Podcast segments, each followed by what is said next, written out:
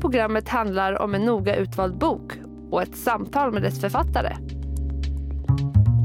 Välkommen till Lära från lärda. Fredrik Hilleborg vid micken den här veckan igen och jag har en bok i min hand. Den heter En global ideologihistoria. Mitt emot mig författaren Johan Stenfeldt. Välkommen. Tack så mycket. Jag brukar alltid börja med att gästen får presentera sig. Eh, ja, jag är ehm, docent i historia vid Lunds universitet och verksam som forskare och lärare där. Och har tidigare skrivit kan vi säga om politisk idéhistoria, politisk idéanalys. Varit ganska mycket involverad i frågor som berör kommunism och nazism, också demokrati och diktatur i en lite vidare mening kanske. Och nu har jag skrivit den här boken då som är, kan vi säga, ett försök att ta Eh, en lite global inriktning på den politiska idéhistorien som är traditionellt annars ganska så eurocentriskt eh, skriven kan man väl säga. Man börjar ju typiskt sett med, all, nästan alla som skriver de här typerna av böcker börjar med Platon. Mm. Så följer man upp med Aristoteles, och sen så kommer Cicero, sen så kommer Augustinus, och sen så kommer Thomas av Aquino, och Machiavelli och så vidare. Och så vidare. Så kommer man in på naturrätt och så kommer man in till 1800-talet och de stora ideologernas epok och så spetsar sig till lite grann i 1900-talet med lite Lenin kanske och annat och sen så slutar man typiskt sett då vid vid Fukuyama kanske och historiens slut då. Och så. De flesta skriver i, i ungefär den eh, linjen kan man säga. Och då har väl min ambition här varit att jag skulle liksom använda den linjen eller det som är eh, etablerat kan man säga då. Eh, det, det etablerade sättet att skriva där på, men försöka sätta alla de här eh, personerna och det de har skrivit i någon slags produktiv förbindelse med idétrender i andra eh, miljöer. Exempelvis i mitt fall här då i den eh, muslimska idémiljön, och den indiska idémiljön och i den kinesiska mm. idémiljön. Det är väl det som jag har som fyra geografiska noder här alltså. Europa, muslimska världen, Indien, Kina. Mm. Eh, så. Och lite mindre utflykter utifrån det här området också. Då. Det här med att eh, den här, vad ska man säga, historiebeskrivningen har som, som standard en eurocentrisk mm. tyngd. Alltså är det samma fenomen som det här man brukar säga att världskartor, alltså på vart den är tryckt, mm, så, så, så, är det landet större på ja. världskartan än vad det är i verkligheten. Alltså om man skulle förflytta sig till Kina och titta i deras böcker eller vad som skrivs där, alltså ser det annorlunda ut. Det finns nog en sån eh, dynamik, det tror jag absolut, och särskilt i Kina just som du säger. Eh, för där finns ju liksom den, den alternativa, alltså väldigt mycket globalhistoria generellt eh, handlar väldigt mycket om ett spel mellan Europa, väst kontra Asien, Kina då mycket va. Och det är liksom en europeisk kulturtradition som står egentligen mot en konfuciansk. Eh, och ska vi prata om idépolitiska mönster så är det ju eh, då börjar man ju i Kina kanske inte traditionellt med Platon på det sätt som man, som man gör i Europa, utan då börjar man ju kanske då med Konfucius istället. Och för så har han den typen av mm. roll, skulle man kunna säga, som någon slags utgångspunkt ställer frågan så här då, vad är egentligen ideologi? Ja, kan du få olika svar beroende på vem du eh, frågar. Skulle du fråga Karl Marx skulle han säga att det var, är liksom ett, eh, någonting som de härskande klasserna använder för att trycka ner eh, sin omgivning ungefär. Men ideologi, det skriver jag också lite grann kring eh, i början av boken, alltså ideologibegreppets eh, etymologi, alltså hur det uppkommer och vad det är så. Och då är det ju, det är ju en sammanbindning av idea och logos då, grekiska ord. Och eh, det är ju hur, hur föreställningar hänger samman i någonting som åtminstone för den enskilde ideologen för, verkar vara ett logiskt sammanhang just alltså. En världsbild i någon mening, skulle man kunna säga. Sen är ju frågan vidare än så också, vad, vad består en politisk ideologi av? Jag laborerar ju kan man säga i början av den här boken med eh, fem som jag uppfattade centrala distinktioner eller fem frågor om makt eller någonting sånt där. Så vilka, vilka dimensioner kan man tänka sig att politiskt tänkande behöver ha för att kunna fungera ideologiskt? Mm. Ska vi fördjupa oss lite i dem? För de ja, är det kan intressanta. Vi göra. Precis. Det är fem, så jag kan nämna dem först. Det, de heter Gud eller folk, utopi eller pragmatism, universellt eller partikulärt, stor stat eller liten stat, folk eller elit. Mm. Så det som du nämner där, det är ju då i min tanke fem distinktioner som allt politiskt tänkande på ett eller annat sätt måste ta, ta hänsyn till eller förhålla sig till. Och den första där då med Gud eller folk, det handlar ju egentligen om att man måste ha en idé om varifrån kommer makten eh, till oss som vi har att utöva. Kommer den från folket själva så kommer den från medborgarna, för att prata med någon slags eh, Eh, fransk revolutionsklingande begrepp här, eller kommer det från folket, någon slags mer mytisk storhet då? Eller kommer det någon annanstans ifrån, typiskt sett då från en gud? Och det är ju, kan vi säga, det där svaret att den kommer från Gud, att makten kommer från Gud, det är ju traditionellt sett eh, någonting som är väldigt, väldigt starkt eh, över hela världen under lång tid och ända in i nästan i vår egen kan man ju säga, så är ju det typsvaret egentligen att makten kommer Eh, från eh, Gud. Sen kan det se ut på lite olika sätt. Det kan ju vara så att den som har den världsliga makten har en central plats i, i kulten som utövas i ett samhälle exempelvis. Eh, eh Montezuma den andra, aztekhövdingen eh, hade ju en central plats i den här blodskulten där man offrade blod och hjärtan till solguden eh, på sin tid, Huitzilopochtli. När romarna under senrepubliken där gjorde vad de kunde, de tidiga kejsarna, för att samla republikens olika eh, funktioner i sin hand så var de också väldigt måna om att få med funktionen som eh, Pontifex Maximus, alltså överste präst i, i Rom och chef för den romerska kulten exempelvis. För det var också liksom en viktig del i den politiska maktbasen. Att visa att man stod nära Gud eller gudarna. Det kan ju också vara att man har ett släktskap med, med Gud eller anses att, att den jordiska härskaren är identisk med en gud. Så var det ju med farao ofta i eh, Egypten exempelvis, som då ansågs vara identisk med Horus falken eller hos guden. Mm. Eh, I Japan så har man ju den här situationen med att den första kejsaren anses vara barnbarn till eh, solguden Amaterasu och sådär vidare. Så att det finns liksom lite olika varianter på hur den här liksom gudomliga bindningen Eh, ser ut för de världsliga ledarna. Men helt uppenbart så är den ju för väldigt många under väldigt lång tid väldigt viktig. Det är ju inte heller särskilt länge sedan eh, som vi hade en, eh, en kröning i Europa, ett av de europeiska kungahusen, när eh, Charles kröntes till eh, kung i England och kröntes då till kung av Guds nåde. Och det är ju en gammal europeisk tradition som ju nu är tagen ur bruk i stora delar av de europeiska kungahusen. Det är väl bara det brittiska som har det kvar. Men han är alltså formellt sett då kung av Guds nåde. Mm. Det är ett helt modernt exempel på detta och de andra exempel som jag har tagit, de är ju upphämtade då egentligen från ja, nästan alla världsdelar som vi har och under en tidsspann på kanske mm, fyra årtusenden eller så. Så att det här är ju liksom en, en idé om en gudomligt förlänad makt, den är väldigt stark i, i det långa historiska perspektivet.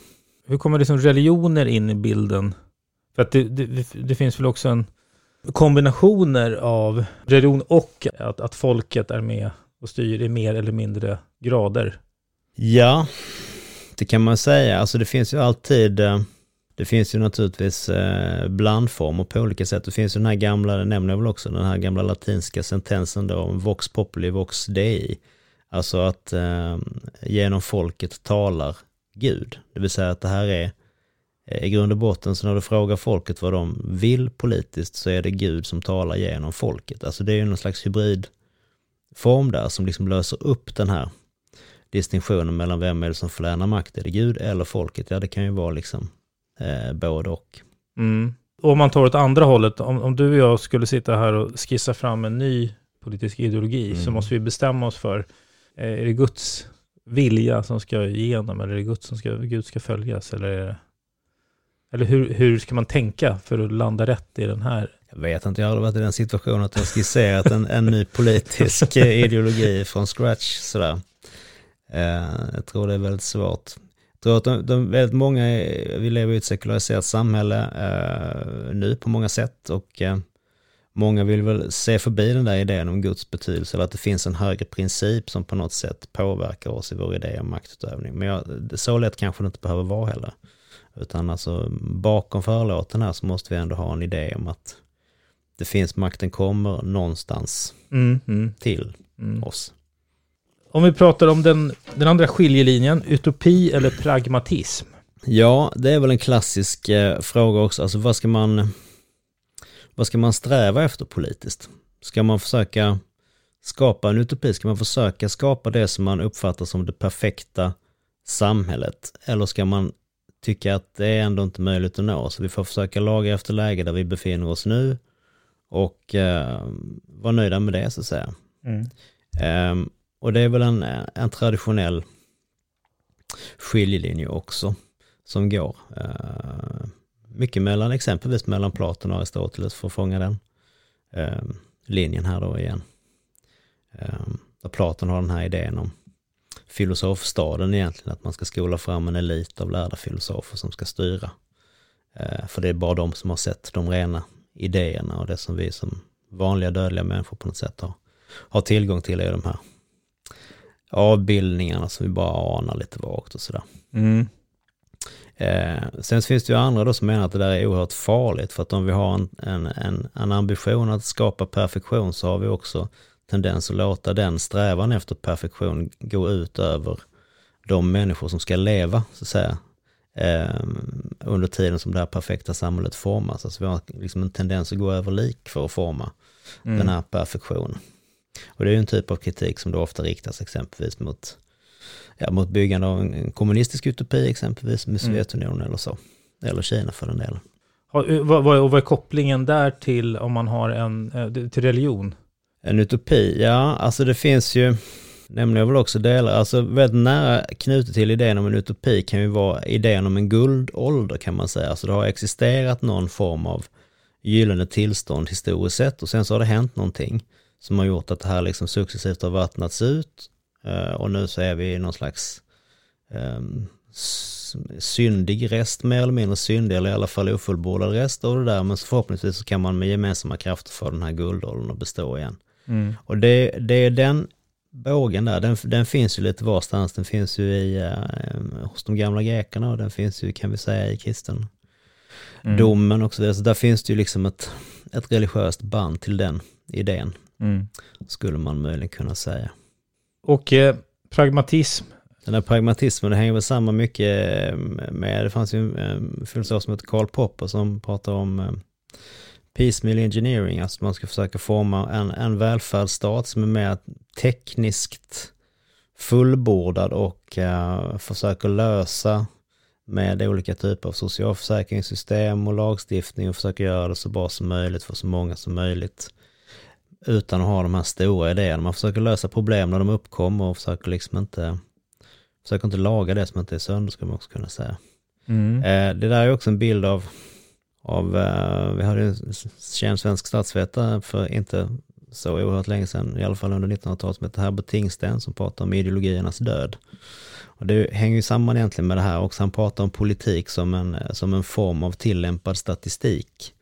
Alltså att du, du försöker med små vetenskapligt rationella argument att vrida det här eh, politiska bygget till att bli någonting som blir så anständigt som möjligt för så många som möjligt. Men du har liksom inte ambitionen att forma någonting utopiskt då, eller helt byggt utifrån vad du har som dina absoluta ideal, utan du, eh, du har en mer mm. pragmatisk ingång där. Alltså om man, om man, tänker, man kan ju ha visioner. Mm. Eh, hur, hur, alltså en visionär, men det kanske handlar mer om som ledarskapet och så här, eller hur kommer vision in i förhållande till, alltså, om man tänker sig utopi eller pragmatism? Mm. Det är en intressant fråga. Det, man pratar ibland om eh, provisoriska utopier som väl är ungefär det som du säger. Att man får ha någon typ av större eh, idé men som man hela tiden eh, ändå uppdaterar och förhåller sig liksom kritisk till. Och, eh, så. så det är inte den utopin med stort U, eh, så, utan det är mer en, eh, en temporär konstruktion för att man måste kunna ha någonting och jobba efter politiskt också. Det är ju det du är ute efter här egentligen, att man antingen har man en utopi som du kan gå över lik för att göra och då är det inte bra, men du kan ju inte heller bara sitta och, och avvakta. Utan du måste ha en idé, om du befinner dig i en normativ verksamhet som politik är, så måste du ha en idé om var du är på väg och varför och vad som skulle vara mm. ett bättre alternativ än, än alternativet så att säga. Mm. Genom då eh, historien, har du några exempel just på pragmatism? Om vi nu tar den här eh, 1900-tals ideologiska triangeldrama i, i väst, om jag uttrycker mig så då, alltså som man ofta beskriver med, med Triangeldrama. Liksom, ja, med liksom socialism, kommunism på ena sidan och sen så har du liksom eh, nazism och Hitlerutmaningen på andra sidan och sen så har det som en tredje ideologisk nod där eh, ett försök att bygga en, en liberal demokrati. Eh, så kan man ju säga att både kommunism och nazism har ju väldigt starka utopiska lidelser. Så där vill man ju då forma det, det klasslösa eh, samhället alternativt det, det renrasiga tusenårsriket. Och då, då har man väldigt distinkta utopier är ju också, har man ju visat sig också vara beredd att gå över lik för att uppnå de här. Och där är ju då liksom eh, svaret på det från en liberal horisont är att det här är, visar då på eh, utopismens dikeskörningar egentligen. Eh, vi ska istället ha ett, ett, eh, ett samhälle där vi inte tror på utopier. Vi kan inte helt enkelt, det som också kännetecknar utopier är ju ofta att det liksom inte existerar sociala spänningar. Alla sociala spänningar har lösts ut och alla lever i harmoni. Det tror kanske då en liberal där, att det, det kommer vi aldrig uppnå, det är inte lönt. Så vi måste hitta, vi måste rigga ett system där vi kan hantera de sociala spänningar som hela tiden uppstår. Och då gör vi det inom ramen för en parlamentarisk demokrati där man får rösta mellan varven och tillsätta regeringar, riksdagar, lagstiftare, man får uttrycka sin mening i debatt och ha en fri åsiktsbildning och så där vidare. Så långt kan vi nå. Då får alla komma till tals och så utvärderar vi det där lite grann med jämna mellanrum och så har vi en lag där som liksom tillgodoser att alla kan få uttrycka sin mening och så. Mm. Eh, vidare. Så det är väl en typ av liksom pragmatism. Och det skulle man möjligen också kunna säga att det är ju då en, en, liberal utopi, en ganska ljummen utopi skulle man kunna säga. Man kanske också en förverkligad utopi i någon mening. Ja, precis. Man ser det orimliga i att alla skulle vara följsamma och tycka och trivas och tycka likadant. Inga konflikter då. I den här utopiska bilden av att alltså kommunism, att alla är överens mm. i slutändan. Mm. Mm. Universellt eller partikulärt? Ja, det är ju frågan helt enkelt om de här idéerna, man liksom samlar sig kring att här finns en serie universella idéer som gäller för oss alla i kraft av att vi är människor. Mänskliga rättigheter typiskt sett. Eh, så är ju det då, de, de anses ju då vara universella. Eh, så det är väl den ena, det ena svaret på att de, de politiska principer som vi nedtecknar här, de gäller alla människor. Sen kan man ju ha motsatsen till det och det är väl typiskt sett då eh, nationalism kan vi säga. Så det är det som står för det partikulära här. Att vi kan inte tänka oss att alla människor, alla människor är inte likadana baserat på vilken eh, plats de har vuxit upp på, på jorden. De har mer eh, bindningar vid olika kulturer och sin egen historia och så där vidare. Och därför kan inte heller de politiska principer som vi upprättar vara giltiga för alla. Utan de får vara giltiga, de som vi skriver här, de är giltiga för vårt område här och eh, inte för andra. Så att det finns väl i, i den distinktionen där mellan det universella och partikulära, där ligger väldigt mycket av den här spänningen mellan universella mänskliga rättigheter kan man säga och med eh, det här nationellt partikulära då, å andra sidan. Mm, mm. Stor stat eller liten stat? Just det. Det är väl ett sätt att försöka fånga de här moderna eh, distinktionerna egentligen mellan nattväktarstat och det som inte är nattväktarstat och sen så kan du välja att kalla det på lite olika saker. Alltså nattväktarstaten är ju den här idén då om att staten bara ska göra vissa grundfunktioner, alltså man ska ha ansvar för polis och domstol, man ska ha ansvar för försvaret av territoriet men därutöver inte mer, eh, medborgarna ska klara sig själv. Det, är den idén nya argentinska presidenten har pratat ja, om. Ja, just det, det stämmer nog. Mm. En, en, en väldigt så antistatlig idé. Ja, jag tror att precis, det, får ja. se hur det går. Mm, precis. Så det är väl liksom svaret, där, där är staten då väldigt liten kan vi säga, för att staten antas inkräkta på individen. Eh, och sen så finns det då andra svar på det då, alltså man kan ju tänka sig att välfärdsstaten är en typ av svar på det, att staten ska visst ha eh, vissa grundläggande plikter gentemot sina medborgare. Man ska förse dem med sjukvård, man ska förse dem med en bra utbildning så att de kan fungera på en arbetsmarknad och man ska liksom försöka eh, ha, ha grundläggande social trygghet på olika sätt. Eh, så. Eh, och då finns det ju vissa där i sin tur som menar att det i sin tur när man väl har börjat eh, gå in i de där ekonomiska reglagen och liksom staten ska ha in skatt och skjutsa de pengarna vidare till de här välfärdsverksamheterna. När man väl har gett sig på det så kommer också de politiska rättigheterna snart att liksom falla samman. Och då så är liksom välfärdsstaten är liksom den första steget på vägen mot egentligen den totalitära staten, menar de. Eh, Friedrich von Hayek exempelvis, som ju då menar att, att välfärdsstaten på något sätt är, ett första steg till totalitarismen. Och då har ju staten all makt över individen. Alltså det finns ju ingen, inget utrymme för individen att vara bara sig själv. Alltså individens integritet är så att säga notoriskt kränkt mm. eh, hela tiden. Så. Så där är väl liksom lite olika svar man kan dra där. Så ska staten vara, ha inget åtagande alls i relation till sina medborgare eller ett jättestort ansvarstagande eller en jättestor makt över varje specifik del av individens liv. Mm. Så där blir också en skala att dra. Det där är ju liksom en diskussion som är på många sätt helt modern. Den förutsätter ju att, att det finns en idé som ligger under, där individen anses ha rätt till någon slags eh, personlig integritet och utrymme för sin egen person, sin egen idé och så. Och det är ju inte, kanske säga, det är inte det historiska typfallet riktigt att det har varit så. Utan det historiska typfallet är ju egentligen att det sitter eh, i stater en, en autokrat på toppen, ofta med ett gudomligt förlänat eh, politiskt mandat och utövar Guds makt ner mot folket, för folkets bästa men inte genom folket. Mm. Och det är ju det som är den historiska typlösningen egentligen, åtminstone egentligen i hela det här området kan man säga, från Europa via det muslimska till Indien till, till Kina som jag har studerat lite mer på djupet. Så det är ju det som är typfallet. Liksom. Mm. Och sen så i en mer modern kontext så kommer den här idén om att individen då har, har, har en makt över sig själv och sitt eget liv. Så på så vis är det här kanske den nyaste ja. pusselbiten av dem alla. Av de eh, fem där mm. som jag listar absolut, det mm. tror jag. Det är kanske den som jag följer upp minst också, eh, egentligen av det skälet. När skulle du säga genom historien så har här, den här pusselbiten blivit en, äh, kommit in? Större fråga. Ja, olika ställen. Eh, vid olika tider på olika ställen kan man säga. Så det är ju en typisk upplysningsidé egentligen om individen som politisk kapabel person som i kraft av sitt förnuft kan klara av att eh, fatta politiska beslut. Och ser vi en europeisk kontext så är ju det 1700-tals fenomen. Och sen så finns det naturligtvis eh, så här, som man pratar ibland, verkningshistoriska spridningseffekter, att de här idéerna de tar sig då successivt ut eh, över världen på olika sätt. Inspirerar ju till den amerikanska frihets kriget och oavhängighetsförklaringen då på sent 1700-tal, men sen så går ju de dokumenten som skapas med de här idéerna som grund, de används ju sen hela tiden exempelvis i eh, avkoloniseringsprocesserna under 1900-talet. Eh, när Ho Chi Minh förklarar Vietnam självständigt exempelvis 1945 så är det ju det som han står och läser till och det är ju liksom den franska deklarationen om de mänskliga rättigheterna från 1789 och den amerikanska oavhängighetsförklaringen. Och då är det är ju en sån här globalt spridningsfenomen av vissa idéer och traktater som liksom verkar över, över längre tid kan vi säga. Mm. Mm. Folk eller elit?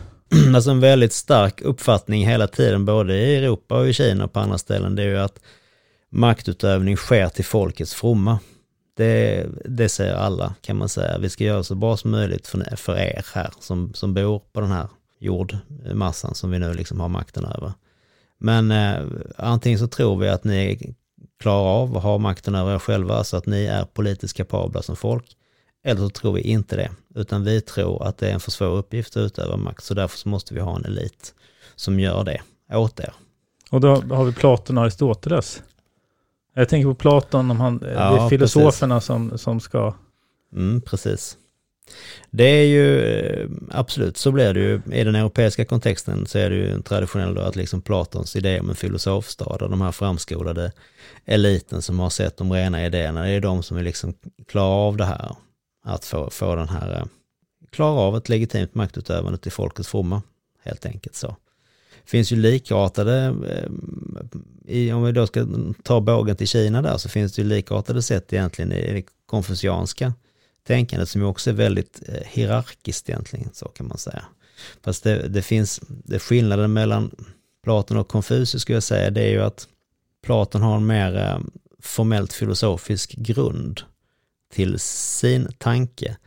Eh, Konfucius är kanske mer intresserad av historia, alltså intresserad av historiens stora män och vad de har gjort och hur det ska uttolkas. Och det är vissa människor som klarar av att, att inkorporera de lärdomarna i sig själv och så skapar man liksom eh, konfucianska ämbetsmannautbildningen och det är liksom det som blir eliten där. Men det finns också ett elitärt sätt att se på frågan där. Och sen så bryts det där ju ner då kan man säga av deras motparter, eller det som jag försöker diskutera, etablera som deras motparter, alltså Aristoteles respektive Mencius då. Som har mer eh, radikal och mer eh, liksom en större erkänsla för folkets kapacitet att styra sig själv. Och i Aristoteles sammanhang så handlar ju det egentligen om att han inte tror på de här idéerna som Platon tror på, utan han menar att det finns en erfarenhetskunskap som vi alla har möjlighet att ta till oss och det är den vi ska använda oss av. Så är vi liksom på jämn, jämnbördig fota. Mm. Och det här med att folket, eh, man, man, man tror på, på folket, kan man översätta det till att man vill ha rösträtt och att, alltså i större utsträckning, att folket är med och bestämmer? Ja, det kan man säga. Det ligger ju också i eh, upplysningsidéns förlängning kan man ju säga att folket är politiskt kapabelt, folket är rationellt och eh, kan ta makten över sin egen situation. Och då ligger det ju också en tanke där egentligen om att du ska kunna rösta exempelvis. Mm. Mm. Vilken ideologi var det som, där, som folkets eh, röst eller möjlighet att vara med eh, kom fram först? I störst utsträckning?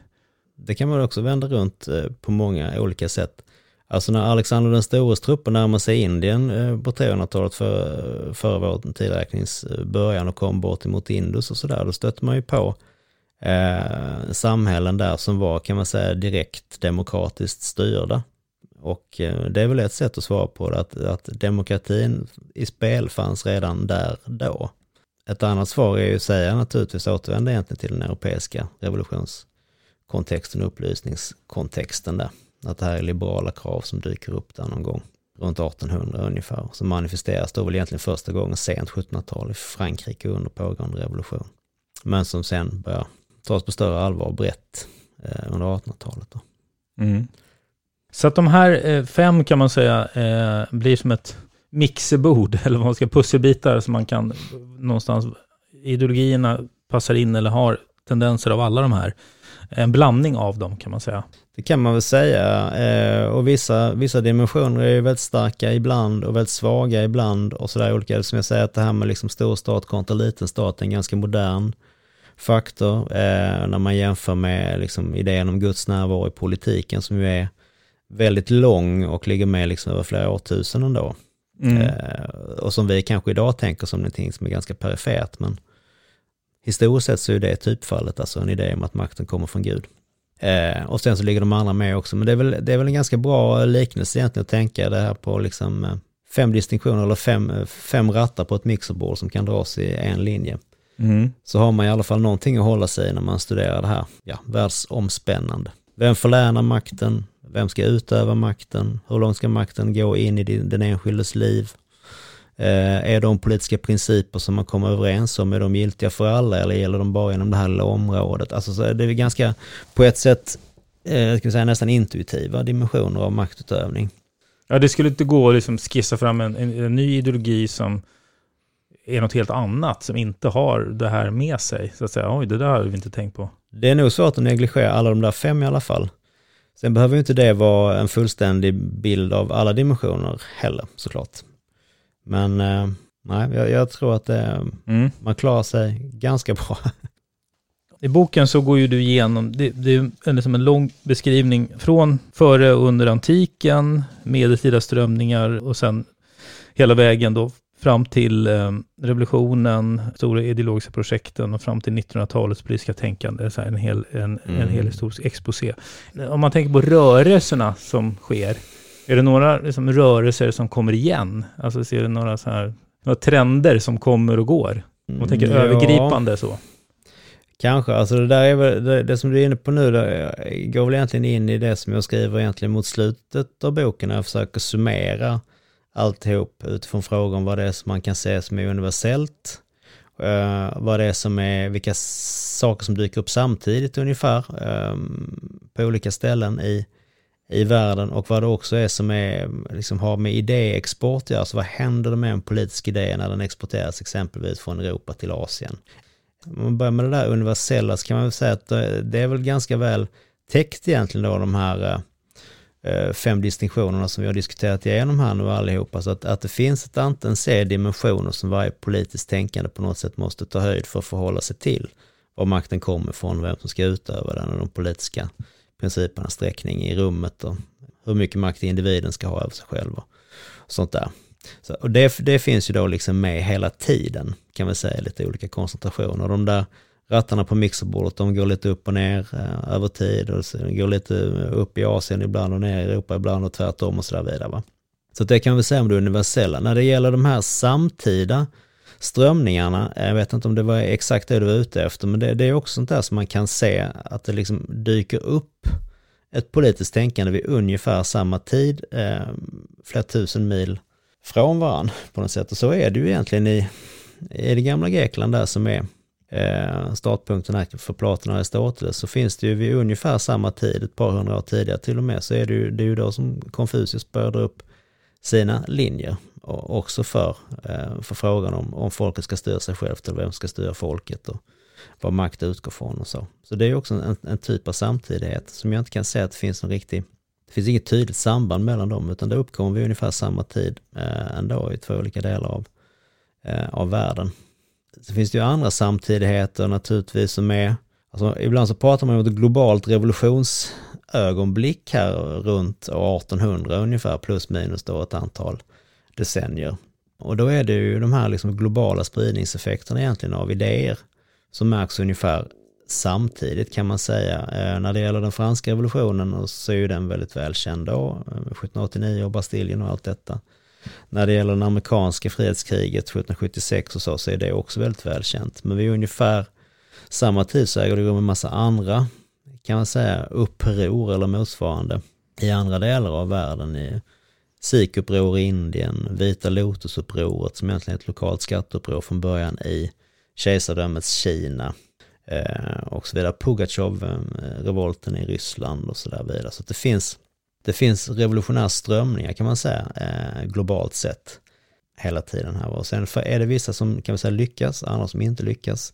Pugatjov och uh, upproren i, Kina är sånt som inte lyckas då, utan där lever ju då tsar respektive kejsare vidare. Ytterligare då. Eh, men det, men det, där finns liksom en slags global revolutionär eh, skede eller global revolutionär kultur på något sätt där runt 1800. Mm. Att idéerna sprids Ja, precis. Och sen så får de naturligtvis vissa pålagringar i det, i det lokala eh, sammanhanget. Och det är kanske det som gör att de lyckas eller inte lyckas eh, på något sätt. Det är svårt att avgöra exakt där. Men där, där är väl också en typisk sån här, en samtidighet som man kan se eh, över hela jorden egentligen. Sen det här, en annan sak som jag har tänkt på en del, är att det finns någon slags medel en medeltida fas och också, jag kan inte säga globalt, men på flera ställen i alla fall, där man har en tendens att försöka tänka ihop sekulär filosofi och religion. Alltså att det finns, eh, försöker få ihop det som, som ett och inte se religion och, och filosofi, politisk filosofi som motsättning, utan att det här är någonting som liksom går hand i hand eh, och eh, man försöker liksom göra en syntes av detta. Det sker ju i Europa genom skolastiken då och Thomas av Aquino som försöker få ihop Aristoteles med liksom den katolska kyrkans idéer. Men det sker ju också i, det var lite tidigare egentligen, men i den, den arabiska falsafa eh, traditionen där, när man också försöker tänka ihop den antika grekiska eh, filosofin med vad som står skrivet i Koranen för att få ihop liksom ett, ett enhetligt liksom, idémässigt amalgam av det. Finns också, eh, då är vi nog lite senare, men i Kina under det som man kallar för nykonfucianismen där under Chuxi, som försöker tänka ihop den gamla eh, konfucianska eh, idéerna med, eh, med de religiösa utmaningar som kommer mot Kina då från buddhism eh, och från daoism, mm. som har liksom en annan syn på staten och kanske liksom har liksom lite mer anarkistisk grundinställning där skulle man kanske säga om man får ta ett europeiskt ord. Men han försöker ändå liksom fånga det och göra det också till en enhetlighet där det här inte liksom ska, ska motsäga eh, Konfucius utan mer kunna bli ytterligare en komponent. Så att säga, mm. det där händer ungefär runt år tusen ungefär plus minus några hundra år. På, också på flera olika ställen i världen. Det är, också, det är rätt så fascinerande att kunna se när det är de där det är en viss pragmatism i det att försöka få ihop det till en ny mm. lösning eller vad man ska ja, säga. Ja, precis. Absolut.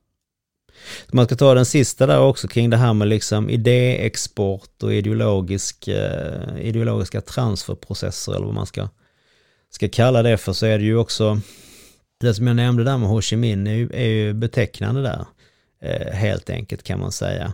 För det visar ju väldigt tydligt att man säger idéer om, om demokrati och att individen är politiskt kapabel, idéer om nationellt oberoende. Eh, om vi säger att det är idéer som, som härstammar från Europa, de går ju inte, de idéerna går ju inte att exportera inom ramen för eh, ett eget imperium med mindre än att de imperierna säckar ihop eh, och faller. Eh, det går inte, alltså det är, liksom, det är dömt att komma tillbaks som en rikoschett på något sätt mot eh, imperialmakten. Eh, kan man säga. Så att även om idéerna är de samma så ändrar de ju helt innehåll och betydelse när de implanteras i, i, i den kontexten, alltså i den koloniala kontexten. Och det är väl det som man egentligen ser successivt under hela 1900-talet då. Exempelvis i fallet Ho Chi Minh. Mm, mm. Vi har ju rört oss i boken, men är det någon pusselbit som vi inte har nämnt som du vill nämna? Jag tycker vi har nog eh, fått ganska mycket täckning på det mesta. Det är ju det där eh, som jag var inne egentligen vid, eh, på inledningsvis, vad man hade kunnat komplettera med eller gjort mer av till en eventuell andra upplaga om det blir så. Jag tycker att det är intressant att tänka kring det här, alltså hur idéer ser ut innan de är nedtecknade. Alltså hur, hur, hur kan man som historiker fånga det och bli varse det? Ehm, skulle man hitta bra sätt att förhålla sig till det där så skulle man också kunna eh, närma sig fler kulturkretsar på ett annat sätt. Och det är möjligt att exempelvis de här distinktionerna om makt och så, det kanske skulle komma helt nya skick till det. Eh, vilket hade varit intressant. Men det, det får vara osagt eh, nu. Men jag tycker det är, det är som, som fascinerande tanke betraktas tycker jag att det är intressant att reflektera över det då. Alltså, hur ser en idé ut innan den är nedskriven? Förutom att läsa boken, har du någon rekommendation till de som lyssnar kring ämnet? Uh, nej, jag, jag håller mig till din rekommendation också om att läsa boken helt enkelt. Man får gärna höra av sig också till mig om man har reflektioner kring uh, detta. Hur når man dig bäst? Ja, mig når man ju på en uh, mejladress typiskt sett på Historiska institutionen i Lund. Tack för att du var med. Tack själv, vad trevligt.